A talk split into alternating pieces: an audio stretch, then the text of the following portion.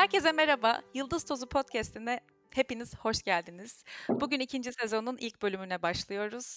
Umarım çok güzel bir yaz geçirmişsinizdir. Umarım sağlığınız yerindedir. Ee, ara verdiğim zaman diliminde hepimiz gibi aslında benim de çokça aklımı ve ruhumu kadın konusu zorladı. Ve yeni sezonda yıldız tozu saçan kadınlar haricinde ne yapabilirim diye düşünürken de kafamda bazı fikirler oluştu. İlki de zaten aslında şu an dinlediğiniz bu bölüm. İstanbul Sözleşmesi'ni güvenilir bir kaynağa sorular sorarak birlikte şöyle tertemiz ve güzelce anlamamızı istedim aslında hep beraber. Bugün de Mor Çatı Kadın Sığınağı Vakfı gönüllü avukatlarından Mine Akarsu konuğum. Kendisi bilgileriyle bana destek olmayı kabul etti. Bir kez daha buradan da teşekkür ediyorum zaten ona. Merhaba Mine Hanım, nasılsınız? Merhabalar, iyiyim. Teşekkür ederim. Siz nasılsınız? Çok teşekkür ederim. Ben de çok iyiyim.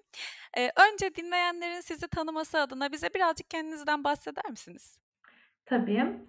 Ee, ben yaklaşık 7 yıldır avukat olarak e, çalışıyorum. Ee, ve öğrencilik zamanlarımdan bu yana da Morçatı'da gönüllülük yapıyorum. Ee, avukat olduktan sonra da zaten Morçatı gönüllülüğümü hukuki danışmanlık üzerinden sağlamaya başladım. Ee, bu şekilde Morçatı gönüllüsüyüm, feministim. Bence tamam. yeterli. evet, çok teşekkür ediyorum. O zaman hemen buradan girmişken ikinci sorum. Mor Çatı ne yapar? Bize birazcık bundan bahseder misiniz lütfen? Tabii, memnuniyetle. E, Mor Çatı 1990 yılında kurulan, e, kadına yönelik şiddetle mücadele etmeyi amaçlayan bir vakıf. E, Mor Çatı feministler tarafından kuruldu ve kuruluşundan bu yana da e, feminist yöntemlerle e, kadına yönelik erkek şiddetiyle mücadele ediyor. E, bu mücadelesini e, farklı alanlarda yapıyor. Birincisi doğrudan kadınlarla dayanışarak, e, kadınlarla dayanışıp onlara e, sosyal, psikolojik, hukuki destekler ve sığınak desteği sağlıyor ve buradan edindiği e, tecrübeyle birlikte de aslında e, kadın yönelik şiddetin durdurulmasına ilişkin nasıl politikalar olması gerektiğine dair bir savunuculuk yapıyor. Yani e, aslında politika üretiyor e, ve bunu da işte her mecrada devlet kurumlarına, e, özel sektöre, kişilere, kurumlara bunu aktarmaya çalışıyor. E, bu şekilde özetlemek yeterli sanıyorum. Daha evet, detaylı çok güzel özetlediniz. bilgi için web sitesinde ziyaret edebilir e, dinleyicilerimiz. Oldukça güzel ve hani anlaşılır bir sitemiz olduğunu düşünüyorum şahsen. Oradan da detaylı evet, Tabii ki. Tamam o zaman hızla bölümün aslında adını veren benim de çok çok çok e, bu konudan bahsetmek istediğim İstanbul Sözleşmesi'ne geçelim. Mine Hanımcığım bize İstanbul Sözleşmesi nedir? Bir şunu güzelce anlatabilir misiniz? Tabii. Şimdi ben biraz mesleki e, kaygılarla da böyle hızlı hızlı konuşuyorum. Siz beni hani durdurun, e, soru sorun her aşamada dinleyicilerimizin çünkü e, merakı ve anlaması çok önemli bence. Hı hı. E, şimdi öncelikle bir Avrupa Konseyi Sözleşmesi, İstanbul Sözleşmesi. Tam adını e, telaffuz etmek gerekirse kadına yönelik şiddet ve ev içi şiddetin önlenmesi ve bunlarla mücadele e, hakkındaki Avrupa Konseyi Sözleşmesi böyle uzun bir ismi var. Hı hı.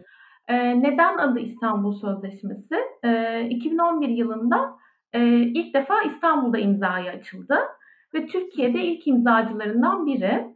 E, bu zaten Avrupa Konseyi Sözleşmeleri nerede imzaya açılırlarsa o isimle anılma gibi bir e, gelenek de var. Bu yüzden adı İstanbul Sözleşmesi.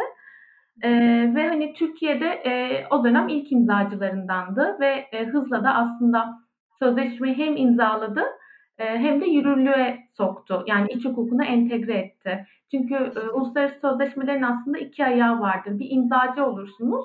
Bir de ratify diye bir e, kavram var. Yani sözleşmeyi yürürlüğe almış olursunuz. Hmm. Türkiye bu iki işlemi de tamamladı ve bence önemli noktalardan biri e, çekincesiz yaptı. Şimdi normalde uluslararası sözleşmelerde e, sözleşmeyi imzalasanız bile bazı maddeler işte benim hukukuma uymuyor, benim e, mevzuatıma uymuyor deyip çekince koyabiliyorsunuz. Türkiye herhangi bir çekince koymadan imzaladı. Zaten bu sözleşmenin niteliği gereği de bazı temel maddelerine çekince koyulması da mümkün değil.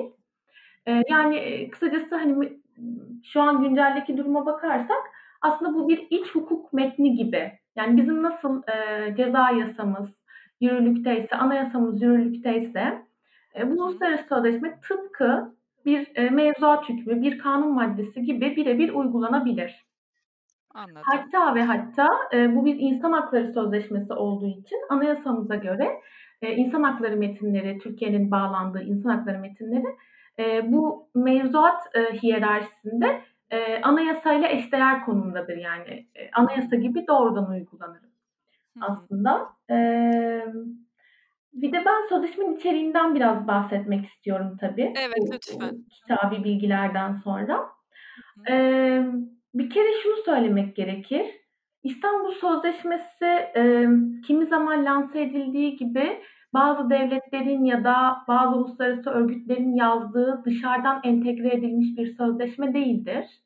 E, İstanbul Sözleşmesi kadınların kadınlar için yazdığı bir sözleşmedir ve e, yüzlerce yıllık kadın mücadelesinin bir ürünüdür.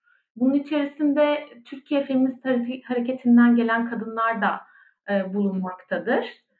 E, sözleşme temel olarak e, şiddeti e, aslında şöyle sözleşmenin dört ayağı var diyebiliriz. Sözleşme hem şiddeti öncelikle önlemeyi amaçlar.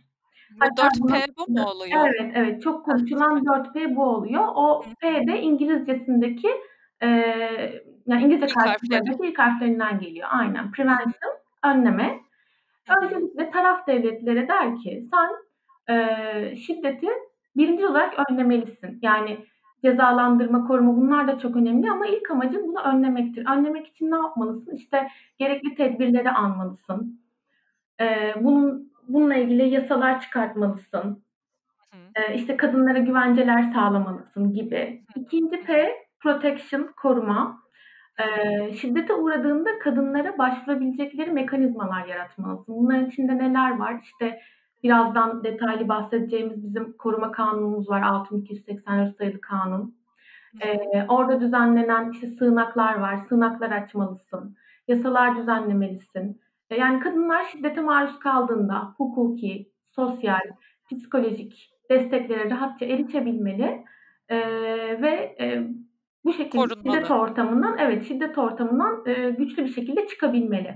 Yani korunmalı. Hı hı. E, bu ikinci P'miz. Üçüncü P'miz de prosecution'dan geliyor.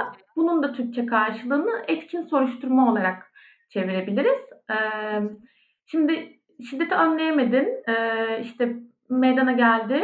Kadını hem koruman gerekir hem de faili cezalandırman gerekir. Ki e, totalde baktığımızda bu aslında diğer tüm amaçlara da hizmet eden bir şey olsun. Yani bu dört şey birbiriyle zaten çok bağlantılı. Yani birini yapıp bir diğerini sağlamak için ondan elde ettiğim faydayı onunla bir entegre bir şekilde e, aslında uygulamak gerekiyor bu P'leri. E, etkin soruşturmada işte e, faili ceza soruşturmasına tabi tutmalısın. Gerekliyse e, etkin cezalar vermelisin. E, sonuncu P'miz ve ya benim çok önem verdiğim şahsen e, ve birçok uluslararası sözleşmede de aslında bu tarz hükümler yoktur hani bu kadar genel hükümler. Policy making. Yani Policy şöyle diyor. Making. Evet, koordineli politikalar üretmek e, meselesi. E, tüm bunları yaparken diyor aslında şiddetin bir kaynağı var. Sözleşme bunu da açıkça söylüyor. Kadına yönelik şiddetin sebebi toplumsal cinsiyet eşitsizliğidir diyor. Hı hı. E, bu işte e, buradaki kadın kavramı içerisine e, cinsi, daha doğrusu toplumsal cinsiyeti sebebiyle şiddete maruz kalma üzerinden bakıyor. Yani biyolojik kadınlık üzerinden değil. Anladım. E, şiddete maruz kadınların şiddete maruz kalmasının sebebi e, toplumsal cinsiyet eşitsizliğidir ve sen bu toplumsal cinsiyet eşitsizliğini ortadan kaldırmadan diğerlerini yapsan da zaten şiddet ortadan kalkmaz. Dolayısıyla sen de görevini yerine getirmiş olamazsın diyor. Ya bu çok önemli bir sürekliliği şey. olmaz o şekilde muhtemelen. Kesinlikle. Bunun içerisinde neler giriyor? Aklınıza gelebilecek her şey. Aslında e, sadece kamuda e, işte kişilerin cinsiyet toplumsal cinsiyet bakış açısına sahip olması değil, işte onlara toplumsal cinsiyet eğitim verilmesi değil, özel sektör de kapsar şekilde, işte kişileri de kapsar şekilde, yani devletin tüm organlarıyla ulaşabileceği her yerde e, toptan bir e, şiddetle mücadele ağı oluşturması gerekiyor. Ve hani bunu yaparken de aslında kadın erkek eşitliğini, cinsiyet eşitliğini, toplumsal cinsiyet eşitliğini sağlayıcı e, politikalar gütmesi gerekiyor. Bu dördüncü P'miz de bu demek. Bu yüzden de çok aslında önemli. Diğerlerini tamamlayıcı bir şey. Evet dediğiniz gibi. Hı hı. Yani umarım açık olmuştur e, sözleşmenin ne olduğu meselesi. Oldu ama ben eğitim hayatım boyunca her şeyi çok basit örneklerle anlayabilirdim. Aslında şu an hem kendim için hem de dinleyen benim gibi insanlar varsa diye bize bunu çok büyük bir şiddete yani çok büyük bir şiddet örneği olmadığı haliyle çok basit bir çocuğa anlatır gibi örneklendirebilir misiniz? 4P'ye hani bağlayarak. Hı hı. Ee, şimdi bu önleme ve koruma aslında bizim ım, vereceğim örnekte iç içe geçmiş olacak. Şimdi bizim 6284 sayılı bir kanunumuz var. Onun adı da Kadına Karşı Şiddetin Önlenmesi ve Ailenin Korunması Kanunu diye. Zaten bu kanun hemen sözleşmenin imzalanmasının akabinde e, çıktı. Şimdi ben şiddete uğradım ya da şiddete uğrama tehlikesi altındayım. Bu şiddet de nedir? Hani aslında şiddet tanımlarını yapmak da çok önemli. Hem kanunu Kesinlikle. hem e, sözleşme şiddeti yalnızca fiziksel olarak sınıflandırmıyor. E, bu psikolojik şiddet olabilir. İşte e, kişiyi değersiz hissettirme, e, bağırma, çağırma, duygusal olarak e, kendisini yoksun hissetmesini sağlama, duygusal olarak bir e, nüfuz altına alma. E, fiziksel şiddeti zaten çoğumuz biliyoruz. E, ekonomik şiddet, ekonomik olarak güçsüzleştirip o şekilde nüfuz altına, bir şekilde kontrol altına almaya çalışma. E, ve cinsel şiddet e, yine cinsel e, yolla işte e, kişinin cinsel bütünlüğüne zarar vermek suretiyle e, kişinin üzerinde bir hakimiyet kurma. Yani hepsinin temeli hakimiyet kurma ancak farklı araçlar kullanılıyor. Şimdi sözleşme diyor ki bizim kanunumuz da zaten o çerçevede hazırlandı. E, sadece fiziksel e, şiddet söz konusu değildir senin bu kanunu harekete geçirmen için diyor. Hı. Örneğin ben e, evli bir kadınım e, çalışmıyorum. E, eşim e, bana yeteri kadar ekonomik destek sağlamıyor. İşte ihtiyaçlarımı karşılayabileceğim kadar ya da e, işte evin ihtiyaçlarını karşılayabileceğim kadar. Hı hı. Bu durumda ben e, sırf bu sebepten yani ekonomik şiddete uğradığım için de e, bu kanun kapsamında gidip tedbir kararı alabilirim. Çünkü ekonomik şiddet de çok ciddi boyutları olan bir şiddet. Aynı şekilde psikolojik şiddet. Zaten bizim gördüğümüz e, vakalarda böyle hepsinin bir anlamda iç içe geçtiğini ben şahsen e, deneyimledim. E, koruma kararı nasıl alacağım? Gideceğim işte karakola. E, basit bir dilekçe yazacağım. Ya bu arada hem karakoldan hem mahkemeden talep edebilirim. Eğer mesai saatleri içerisindeyse kişinin biz kara, e, mahkemeye gitmesini her zaman daha çok öneriyoruz. Yazılı dilekçeyle başvuracağım. Ne isteyebilirim? İşte burada sözleşmenin bize verdiği şeyler yine kanunda da yazan kişinin benden uzaklaşmasını isteyebilirim. Hı. Kişinin e, şiddet gösteren kişinin bana herhangi bir iletişim aracıyla yaklaşmamasını isteyebilirim. Aynı evde oturuyorsak e, evden dışarı e, atılmasını, konutun bana tahsis edilmesini isteyebilirim. Aynı iş yerindeysek iş yerinden uzaklaşmasını, aynı iş yerinde değilsek de herhangi bir şekilde iş yerime yaklaşmamasını. Ortak çocuk varsa çocukların geçici velayetini almayı, Yine ekonomik şiddet demiştik, e, tedbir nafakası almayı yani e, yargılama devam ettiği sürece ya da işte herhangi bir boşanma davası açılmamış da olursa olsun e, ekonomik bir destek sağlamak için kişiden bu ve bu benzeri pek çok tedbir var. Daha çok fazla tedbir var. Hepsini şu anda saymayayım. E, bunları talep edebilirim. Bunları istediğim gibi karakoldan istiyorsam bunu mahkemeye onaylatır. E, mahkemeden istiyorsam doğrudan kendisi verir ve bana herhangi bir delil sormaz. Sözleşmenin bize işte en büyük katkısı bu. Bunun bizden önce, bizden bizim bundan önceki kanunumuzda delil aranıyordu. Şiddet gördüm demem yeterli olmuyordu. Karakola gittiğimde bana delil getir diyordu. Bu sözleşme bunu sağladı. İşte hayatlarımıza böyle bir etkisi oldu. Dediğiniz delil de herhalde darp raporu falan. Çünkü başka ya da hani banka hesabı mı ekonomik şiddetin mesela delili nedir ki? E, ya zaten o dönemde ekonomik şiddet ve psikolojik şiddet şiddet olarak açıkça sayılmamıştı. Bu yine sözleşmeyle ve 6184 ile oldu. Evet dediğiniz gibi darp raporuydu Fiziksel, aslında eski kanun döneminde. E, yani bu kanun bana aslında e, tedbir kararı alabilmeyi e, ve diğer ihtiyaçlarım varsa örneğin ben şiddet gördüm sığınağa gitmek istiyorum e, gittiğimde karakola sığınakta yer yoksa bile polisin beni herhangi bir güvenli yere, bir konuta yerleştirmesi gerekiyor. Bu ve bunun gibi yani gerçekten onlarca tedbir diyebilirim. Bunların aslında iç hukukumuza girmesini sağladı. Ee, bir de sözleşmenin e, aslında iç hukuka entegre edilmemiş, alınmamış e, ama doğrudan uygulanabilir bazı hükümleri var. Bu yüzden de çok önemli. Buna e, ya bir bunun içinde birçok örnek var ama bunlardan bir tanesi hukuki destekle ilgili. Şimdi ben normalde ülke hukukuna göre işte bir e, medeni hukuk davası açmak istiyorsam o da nedir? Yani boşanma olabilir, bir miras davası olabilir, bir şey olabilir. Genelde boşanma oluyor zaten e, şey bu tarz şiddet dosyalarında. E, ve ekonomik durumum e, yeterli değilse e, baroya gidip e, bana adli yardımdan bir avukat atanmasını isteyebilirim. Şimdi iç mevzuatımız bizim bunu diyor ama İstanbul Sözleşmesi şunu söylüyor. Ortada şiddet varsa, kişinin de talebi varsa ekonomik duruma bakılmaksızın avukat ataması yapılır.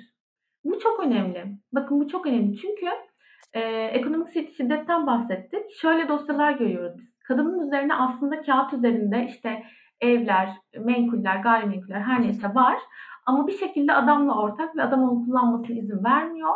Kadın ekonomik bağımsızlığını sağlayamadığı için şiddet ortamından uzaklaşamıyor hep ekonomik şiddet üzerinden gittik ama e, evet. bunun hani etkileri hakikaten e, çok ya tabii ki diğer şiddet türleri de çok önemli ve e, hakkında ki. konuşulması gerekiyor kesinlikle.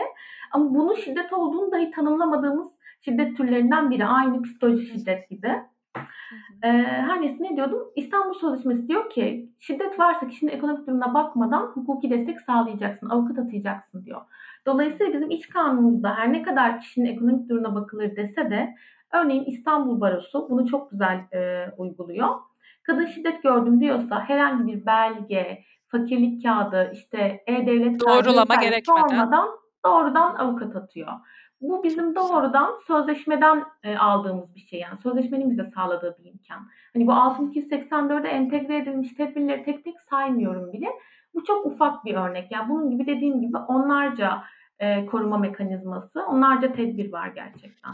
Aslında ama bu verdiğiniz bilgi bence çok faydalı bir bilgi. Çünkü şu an gerçekten bunu kim dinliyor, nasıl bir düzenin içinde yaşıyor bilemiyoruz ama örneğin biri gerçekten şu an belki de hakikaten dediğiniz gibi e, maddi olarak imkanı olmadığı için gidip bu davanın peşinde koşamıyor. Oysa ki şu an tek belki bunu dinledikten sonra yarın sabah e, gidecek ve e, baroda bu durumu konuşacak ve yani yapmak istediği şey için bir adım atabilecek. O yüzden e, bu tarz başka bilmediğimiz e, verebileceğiniz tedbir örneği varsa özellikle sizin de hani çok e, faydalandığınız hukuki Hı-hı. alanda e, isterseniz birazcık onlardan da bahsedin.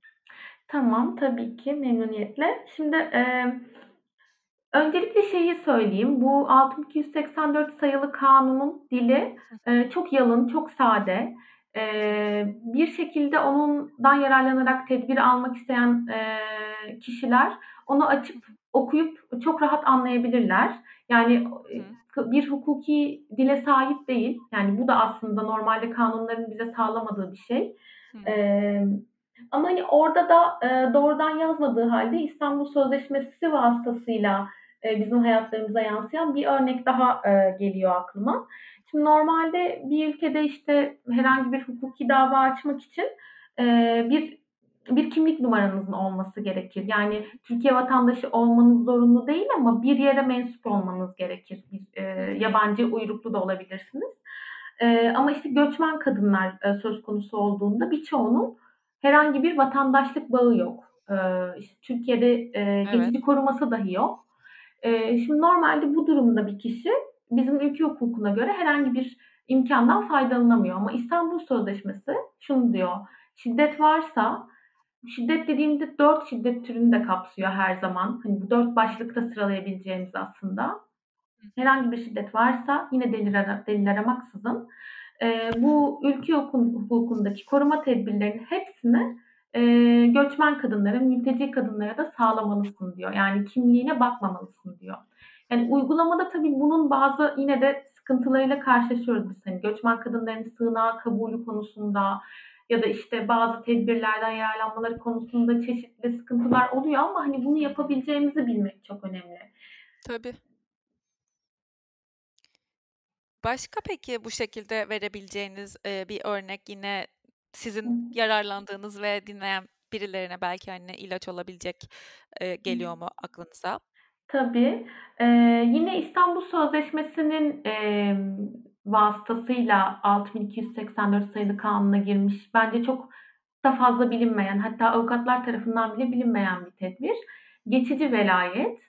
Eee, şimdi kadınların, eee, şiddet ortamında kalmalarının çeşitli amaçları olabiliyor. Yani bunlardan birincisi bir şekilde şiddetle mücadele etme yolunu kendisi bulmuş olabiliyor.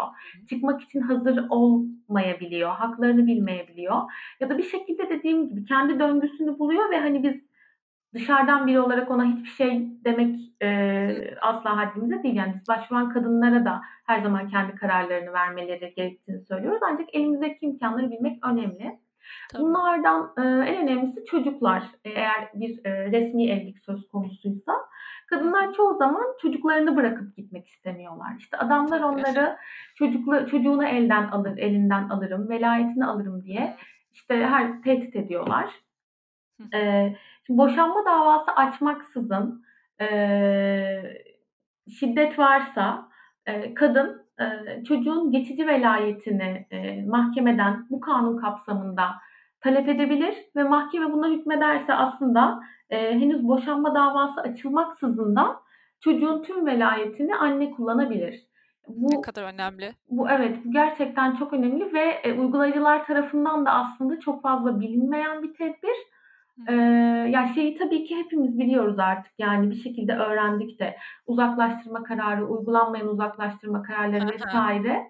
ama bence bu tarz tedbirler de, emm, kesinlikle kadınların hayatını çok kolaylaştıran, onları güçlendiren şeyler. Hı ve yine şeyi eee, den bahsetmek gerekiyor bence. Eee, gerçi ondan biraz bahsettim, tedbir nafakası meselesinden. Eee, yine bu kanun kapsamında aslında, eee, şiddet uygulayandan geçici olarak, eee, maddi talepte de bulunabiliyorum. Eee, bir diğeri devlet organlarından geçici maddi yardım talebi meselesi, kaymakamlıklardan vs. İşte, sığınak zaten çok önemli bir araç, Tabii. şiddetten korunmada. E, bunun gibi pek çok tedbir var. Örneğin kişinin kişi polis, eee, şiddet uygulayan kişi polis, kişinin silahına el konulmasını dahi kanun kapsamında talep edebiliyorum. Evet, yani, burada kanun dediğim şey aslında hep dayanağını sözleşmeden alıyor. Hı hı. Eee, ve belki şunu da belirtmek gerekir. Bu sözleşmenin neden önemli olduğu meselesi, neden işte doğrudan uygulanabilir olduğu meselesi. Bu sözleşmenin bir, eee, denetim organı var, Grevio. Eee, adı Grevio. Bu denetim organı, işte, 4 yılda bir ülkelere, eee, ziyaretler yapıp hem devletle konuşup hem sivil toplum örgütleriyle konuşup hem de yerinde ziyaretler yapıp bu sözleşmenin uygulanıp uygulanmadığını denetliyorlar. Şimdi mesela devlet organı, işte, Türkiye hakkında verilen Grevio raporunda biz her şeyi 6284'e yazdık diyor. Ama, eee, denetim organı gelip sen 6284'e yazdın ama, işte, bu kadınlar uzaklaştırma kararı almasına rağmen neden öldürülüyor, neden etkin cezalar verilmiyor? diye, eee, aslında eleştirel bir rapor sunuyor günün sonunda. O yüzden, yani, 6284 ile ilgili anlattığımız her şeyin ya da orada yazmayan tüm koruma tedbirlerinin, tüm politikaların ucu İstanbul Sözleşmesi'ne çıkıyor. Anlıyorum. Gerçekten ne kadar önemliymiş. Keşke böyle olaylar aracılığıyla, böyle, işte, hashtag'lerle vs. gündeme gelmeden biz bu konuda bilgileniyor olsak, hani, bütün kadınlar olarak, herkes cephanesinde, hatta bütün, yani, bütün cinsiyetler olarak, herkes bunu cephanesinde tutuyor olsa ama sizle yaptığımız toplantıda aldığım notlarda şeyi görüyorum, şey yazmışım, "Sözleşme olmasaydı soru işareti, şiddet meşru mu?" Siz çünkü biraz bunun üzerinde de durmuştunuz. İsterseniz bu hı. konuda söylemek istedikleriniz varsa ona da burada yer verelim. Tabii.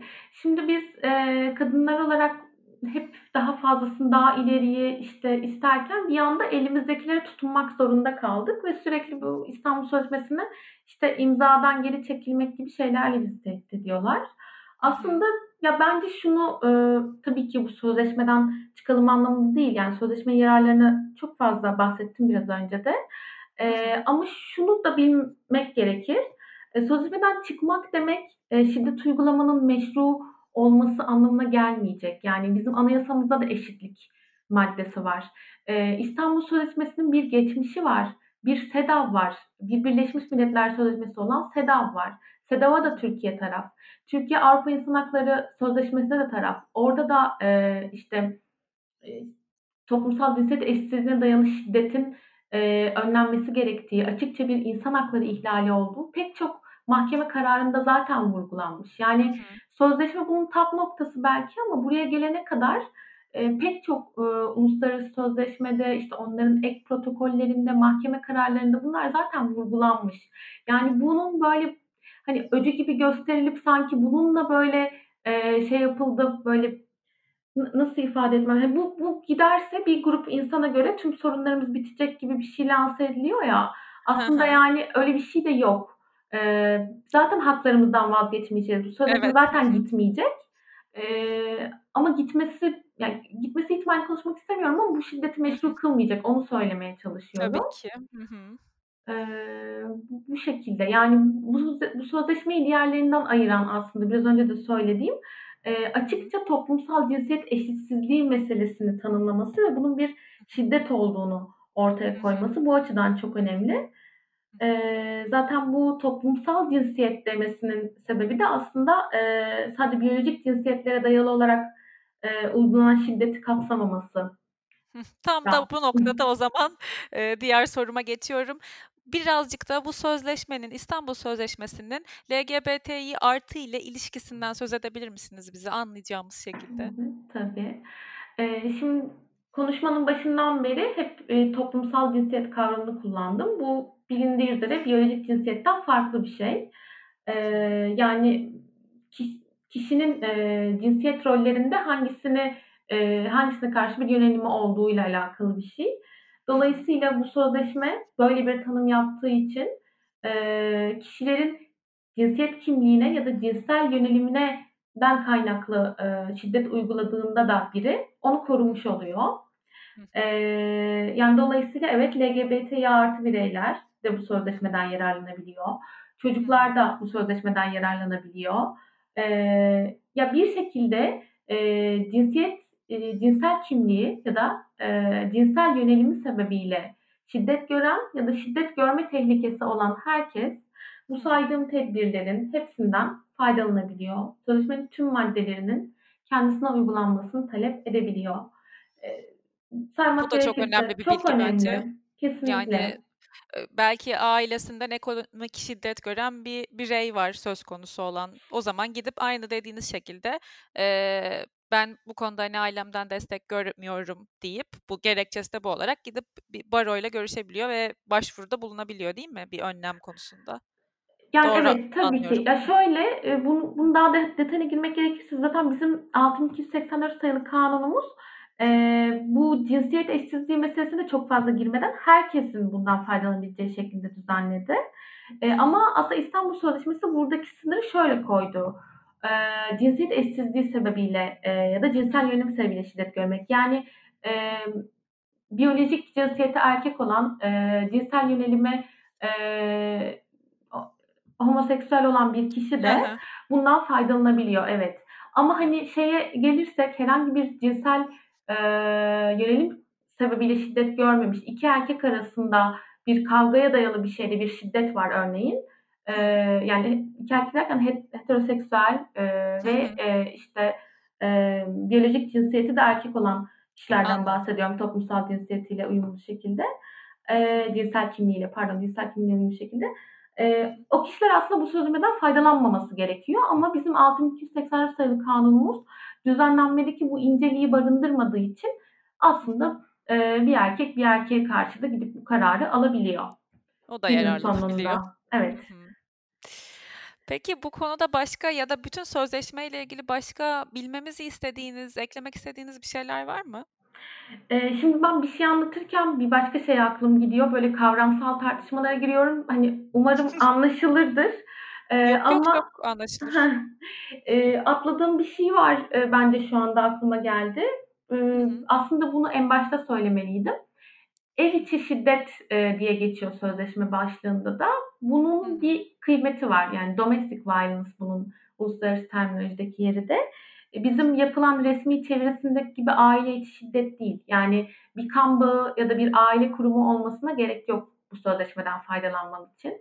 Sokakta beni takip eden, taciz eden bir e, tanımadığım biri var. Herhangi bir bağım yok örneğin. E, ben ona karşı da bu e, tedbirleri alabiliyorum. Ona karşı da sözleşmenin hükümlerini e, öne sürebiliyorum. Ya da işte evet eski partnerim e, herhangi bir evlilik bağı yok aramızda. Bir boşanma durumu yok. E, eski sevgilim, eski partnerim ona karşı da kullanabiliyorum. E, babam, annem bana şiddet e, uyguluyor. Yine e, cinsel kimliğime dayalı ya da işte e, bir erkek şiddetiyle karşı karşıyayım yine ailemde. Onlara karşı da e, bu tedbirlerden faydalanabiliyorum. Bence burası da çok önemli. Yani evet. yalnızca evlilik bağının aranmıyor oluşu da e, çok önemli. Bence de kesinlikle. Ayrıca sokaktaki birini de e, şikayet edebilecek olmak bence günümüzde oldukça önemli diye düşünüyorum. Hatta o kısmı biraz açmak gerekirse sözleşme e, bu durumu özel olarak tanımlıyor. Israrlı takip diye bir kavram var. Bunun e, uluslararası literatürdeki adı stalking. E, bu ısrarlı takip meselesinde diyor kişi zaten e, bu haklardan faydalanmalı, tedbirleri e, alabilmeli. Ancak ısrarlı takip durumunu ayrıca bir ceza e, olarak da düzen, suç olarak da düzenlemelisin diyor. Hı. Şimdi bizim ya biraz teknik bilgisi gibi olacak ama şimdi ısrarlı takip dediğimizde e, ortada böyle bir hakaret olmayabilir. İşte bir tehdit olmayabilir. Yani kişinin sürekli bize mesaj atması ama içerisinde suç teşkil eden bir şey yok. Şimdi düşünüyoruz, savcılığa gideceğiz, gidemiyoruz.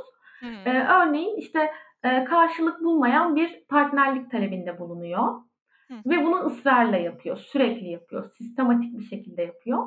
Ortada aslında böyle bizim kanunlarımıza baktığınızda suç teşkil eden bir şey yok. Hani sadece huzur ve sükunu bozmak diye bir e, suç var. Belki onun içerisine sokulabilir. Sözleşme bu noktada gelip bize diyor ki böyle bir durumu da suç olarak düzenlemelisin diyor. Yalnızca hakaret tehdit buna yeterli değil. Hı hı. E, bu örneğin e, üzerinde Grevio raporundan bahsetmiştim biraz önce. Grevio raporunda da çok vurgulanan bir şey. Şimdi biz birçok şeyi entegre ettik. Uygulamada başarılı olduk olmadık o kısmı başka bir tartışma. Bir de entegre edemediğimiz kısımları da var. Bize yapılan eleştirilerde işte ceza kanunlarını ısrarlı takibi suç olarak sokmadığını söylüyor hmm. e, Grevio raporu. E, bu anlamda da çok önemli. Yani hem güncel durumu hem olması gereken şeyleri e, aslında ülkeleri anlatıyor, dikte ediyor. Hı hı. Peki şey merak ediyorum. 4 senede bir denetleniyor dediniz ya. Hı. En son ne zaman denet yani şu an mesela ne kadar var bir sonraki denetlenmeye? Ee, aslında e, şimdi şöyle bu her ülkenin denetim bittikten sonra yapılıyor. Bizim 2016'da verilmişti rapor. Hmm. Aslında bu sene tekrar e, dönmesi gerekiyor 4 yılda bir olduğu için. Ama Grevio heyeti diğer ülkelerin incelemelerini bitirmediği için sıra tekrar dönmüyor. Yani imzacı olup da ilk incelemesi yapılmamış çok fazla ülke var. Dolayısıyla Anladım. bunda biraz sarkmalar oluyor. Ama 2016 deyip hani 4 sene öncesi gibi düşünmemek lazım. Grevio raporunun Türkçesi de var. Merak edenler girip okuyabilir. Yani e, çok güzel bir metin. Hani şey olarak da böyle e, hakikaten hukukçu değilim diye korkmasınlar. Hani e, merak edenler için e, güzel yazılmış bir nihai rapor. Hem gölge rapor var sivil toplum örgütlerinin hem devletin raporu var ama Grevio'nun nihai raporu birebir bütün uygulamadaki sorunları, işte e, henüz yürürlüğe girmeyen maddeleri, eksik aksak uygulanan yerleri bir bir bir bir anlatıyor. Mesela bunlardan bir de veri tutma meselesi. Şimdi biz hep şiddet olayları söz konusu olduğunda doğru düzgün bir veriyle karşılaşmıyoruz. İşte bazı sivil toplum örgütlerinin e, verileri var. Devletin rakamları şiddet azaldı diyor ama işte gerçek bir rakam yok ortada falan böyle. E, mesela o yönden de Türkiye eleştiriliyor. Yani çok uzun bir rapor yüzlerce yerden eleştiriliyor. İyi yapılan şeyler de takdir ediliyor. Hani öyle bir rapor sadece eleştiri üzerine değil. Ee, ama yanı hiç güncelliğini yitirmemiş. Aksine e, hani tekrar tekrar dönüp dönüp böyle yol haritası gibi bakmamız gereken bir şey. Ee, bu şekilde. O zaman bir şey yapalım. Siz bana e, bölüm kaydımız bittiğinde hem bu 6284 sayılı kanunu hem de bu raporu hani doğru kaynağı neresiyse bir e, kaynak paylaşırsanız ben de bu bölümün açıklamalar açıklamalar kısmına koyayım. İlgisini Tabii. çeken okumak isteyen en azından doğru kaynakçadan e, ulaşsın. Tabii memnuniyetle. O zaman bir de, eee, artık yavaş yavaş sona geldik ama hazır sizi bulmuşken bir de şeyden bahsedelim. Şiddet gören kadınlar, eee, ne yapabilir? Nereye başvurabilir? Eee, daha, hani, bu sözleşme ve kanun harici olarak soruyorum bunu. Daha pratikte ve daha Hı hı. Anladınız ne sorduğumu. Birazcık da Anladım. ondan bahsedelim. Şimdi, eee, öncelikle Mor Çatı'ya başvurabilirler. Eee, yalnız Mor Çatı hafta içi, eee, telefonları açık Mor Çatı'nın. Emm, şu anda uzaktan çalışma yaptığı için birçok örgüt gibi telefonla ulaşabilirsiniz, e-mail ile ulaşabilirsiniz. Eee, telefon numarasını da hemen söyleyeceğim. Bir dakika. Eee, şey Ben bunu da zaten sayılı koyacağım açıklamalara. çok sevinirim. Hı. sayılar konusunda çok iyi değilim ve şu anda numarayı bulamıyorum. Not aldığım şeyi de bulamadım. Her neyse numarasını siz açıklamalarda paylaşırsınız. Mor. Çatı'ya ulaşabilirler. Bunun dışında, acil durumlarda, eee, ulaşabilecekleri yerler, Hı Polis. İmdat 155, Hı hı. emm, sos Aile ve Sosyal Politikalar Bakanlığı'nın sosyal destek hattı Hı hı. 183. Eee, bu da aynı polis gibi 7/24, eee, destek veriyor. Hı. yine Alo Baro, ııı, diye bir, eee, hukuki destek alınabilecek bir hat var. Hı 444 hı. 26 18. Hı Eee, hı. bunun dışında ambulans ve jandarma da zaten 156 112. Bunlar acil telefonlar. Hı. bunun dışında da, işte, hafta içi Mor Çatı aranabilir. Hı. Mor Çatı telefonla tüm Türkiye'den destek verebiliyor kadınlara. Ancak yine de, eee, yerel örgütlere, yerel, eee, kadın örgütlerine, feminist örgütlere başvurmak isteyen kadınlar için de, eee, bizim web sitemizde de hem uzun bir liste var her, eee, ile dair. Eee, bir de şey var tabii, bu şiddet önleme izleme merkezleri. Bunlar da bakanlığın aslında, emm, destek mekanizmaları. Hem dayanışma merkezleri var hem sığınaklar var. Bunlara dair bilgileri de şönim yazıp, ilgili ili yazıp, hangi çünkü her ilde var bunlar. O ilin numarasını da internetten, eee, bulabilirler. Tamam. bu söylediğim bilgilerin derli toplu hâli de Mor Çatı'nın web sitesinde var morçatı.org.tr'de. Onu da koyacağım aşağı zaten. Tamam, süper. O zaman he her şeye aslında oradan ulaşabilirler özetle. Evet, orada derli toplu yazıyor hepsi. Eee, dolayısıyla oradan şey yapabilirler. Peki, şu an aklıma tamamen spontane bir şekilde şu geldi. Yani, belki bir yerde şu an beni bir, kız dinliyor ve annesi, çok klasik bir örnek olacak ama şiddet görüyor ve sizi dinledi ve sizin ses tonunuzu sevdi. Sizle, eee, iletişim kurmak istiyor. Mor Çatı'yı Mor Çatı üzerinden böyle bir, eee, istekte ya da talepte bulunabiliyor mu yoksa sizin, hani, başka bir şekilde mi iletişim kuruluyor? Onu sormak istedim. Eee, şimdi şöyle, biz Mor. Çatı'da gönüllüler olarak, gönüllü destek olan avukatlar olarak aslında kişiden, isimden bağımsız bir feminist örgütlenme yürütüyoruz. Yani Mor Çatı adıyla bunu yapıyoruz. Eee, dolayısıyla oradan başvuru alırken de doğrudan benimle konuşmak gibi değil ama o gün hangi, eee, avukat gönüllümüz müsaitse hukuki destek konusunda ve kişinin de hukuki destek ihtiyacı varsa sosyal çalışmacı arkadaşlarımız ona yönlendirme yapıyor. Anladım. dolayısıyla, hani, doğrudan benimle iletişime, eee, geçmeye gerek yok. Çünkü bu bir, eee, bu bir dayanışma, feminist örgütlenme. O anda hangi kadın destek verebilecekse onunla iletişime geçmek, işte, kadın için de hem başvuran kadın için de daha iyi. Dolayısıyla, hani, benimle şahsen iletişime, geçme ihtiyacı doğacağını düşünmüyorum. Tamam. Eee, yani, şu anda da bir, eee, kadın örgütü adına katıldığım için, hani, bunu vermeyi doğru bulmuyorum. Tamam. Eee, Mor Çatı'yı arayabilirler. Numarasını da Tamam. arada söyleyeyim, sesli olarak da söylemiş olayım. Söyleyin. O sırada buldum. 0212 292 52 31 ya da 32. Tamam, süper. Teşekkür ediyoruz. O zaman bölümü sonlandırıyoruz artık sizin eklemek istediğiniz bir şey yoksa eğer. Ben çok teşekkür ediyorum hem kendi adıma hem dinleyen herkes adına. Eee, kendinizi konumlandırdığınız yer için ayrı teşekkür ederim. Bu kadar, eee, gönüllü olarak böyle bir şeyin, böyle bir dayanışmanın parçası olduğunuz için de teşekkür ederim. Aynı zamanda tabii ki, eee, neredeyse 40 dakikadır bizi bilgilendirmek adına yorulduğunuz için, nefes tükettiğiniz için çok teşekkür ederim. Eee, ben teşekkür ederim. Yani, bunu şahıs üzerinden okumayı ben hiç sevmiyorum. Yani, bu, ııı, coğrafyanın uzun bir kadın mücadelesi var. Eee, onlardan aldığımız deneyimle ve, işte, dayanıştığımız kadınlardan öğrendiklerimizle bunu yapıyoruz. Eee, ve aslında feminist örgütlenme, eee, bir kadına destek olmak beni de kendi içimde güçlendiriyor. Yani ben ben kimseye yardım etmiyorum. Eh, tüm Çatı bu şekilde. Eee, ortak bir dayanışma sürdürüyoruz. Gerek haklarımız konusunda, gerek yapabileceklerimiz konusunda. Eee, işte, kadın dayanışması güçlendirir diye o yüzden diyo diyoruz. Hem destek Evet. olana hem destek olunana güçlendiriyor aslında. Eee, ben, hani, konuda İstanbul Sözleşmesi olduğu için, eee, bu bu kadar güçlü bir kadın örgütlenmesinin de, eee, sözleşmenin elden gitmesi gitmesine zaten kolay kolay izin vereceğini de düşünmüyorum. Hani, Hı son hı. sözü öyle bitirmek isterim. Kolay olmayacak kazanımlarımızı almanız. Eee, biz, eee, gayet güçlü bir şekilde yolumuza devam ediyoruz, mücadeleye. Harika, süper. Çok teşekkür ediyorum tekrar. Ben teşekkür ederim. Bu bölümün, yeni sezonun ilk bölümünün sonuna geldik. Eee, umarım zevk alarak dinlemişsinizdir. Umarım bir yerde birilerine değmiştir bu bölüm diye ümit ediyorum. Beni bana sormak, söylemek istediğiniz her şey için Twitter'da ve Instagram'da @gizemdemirel olarak bulabilirsiniz ya da mail atmak isterseniz info@gizemvatandos.com'a mail atabilirsiniz. Dinlediğiniz için çok teşekkür ederim. Bir sonraki bölümde görüşmek üzere, hoşça kalın.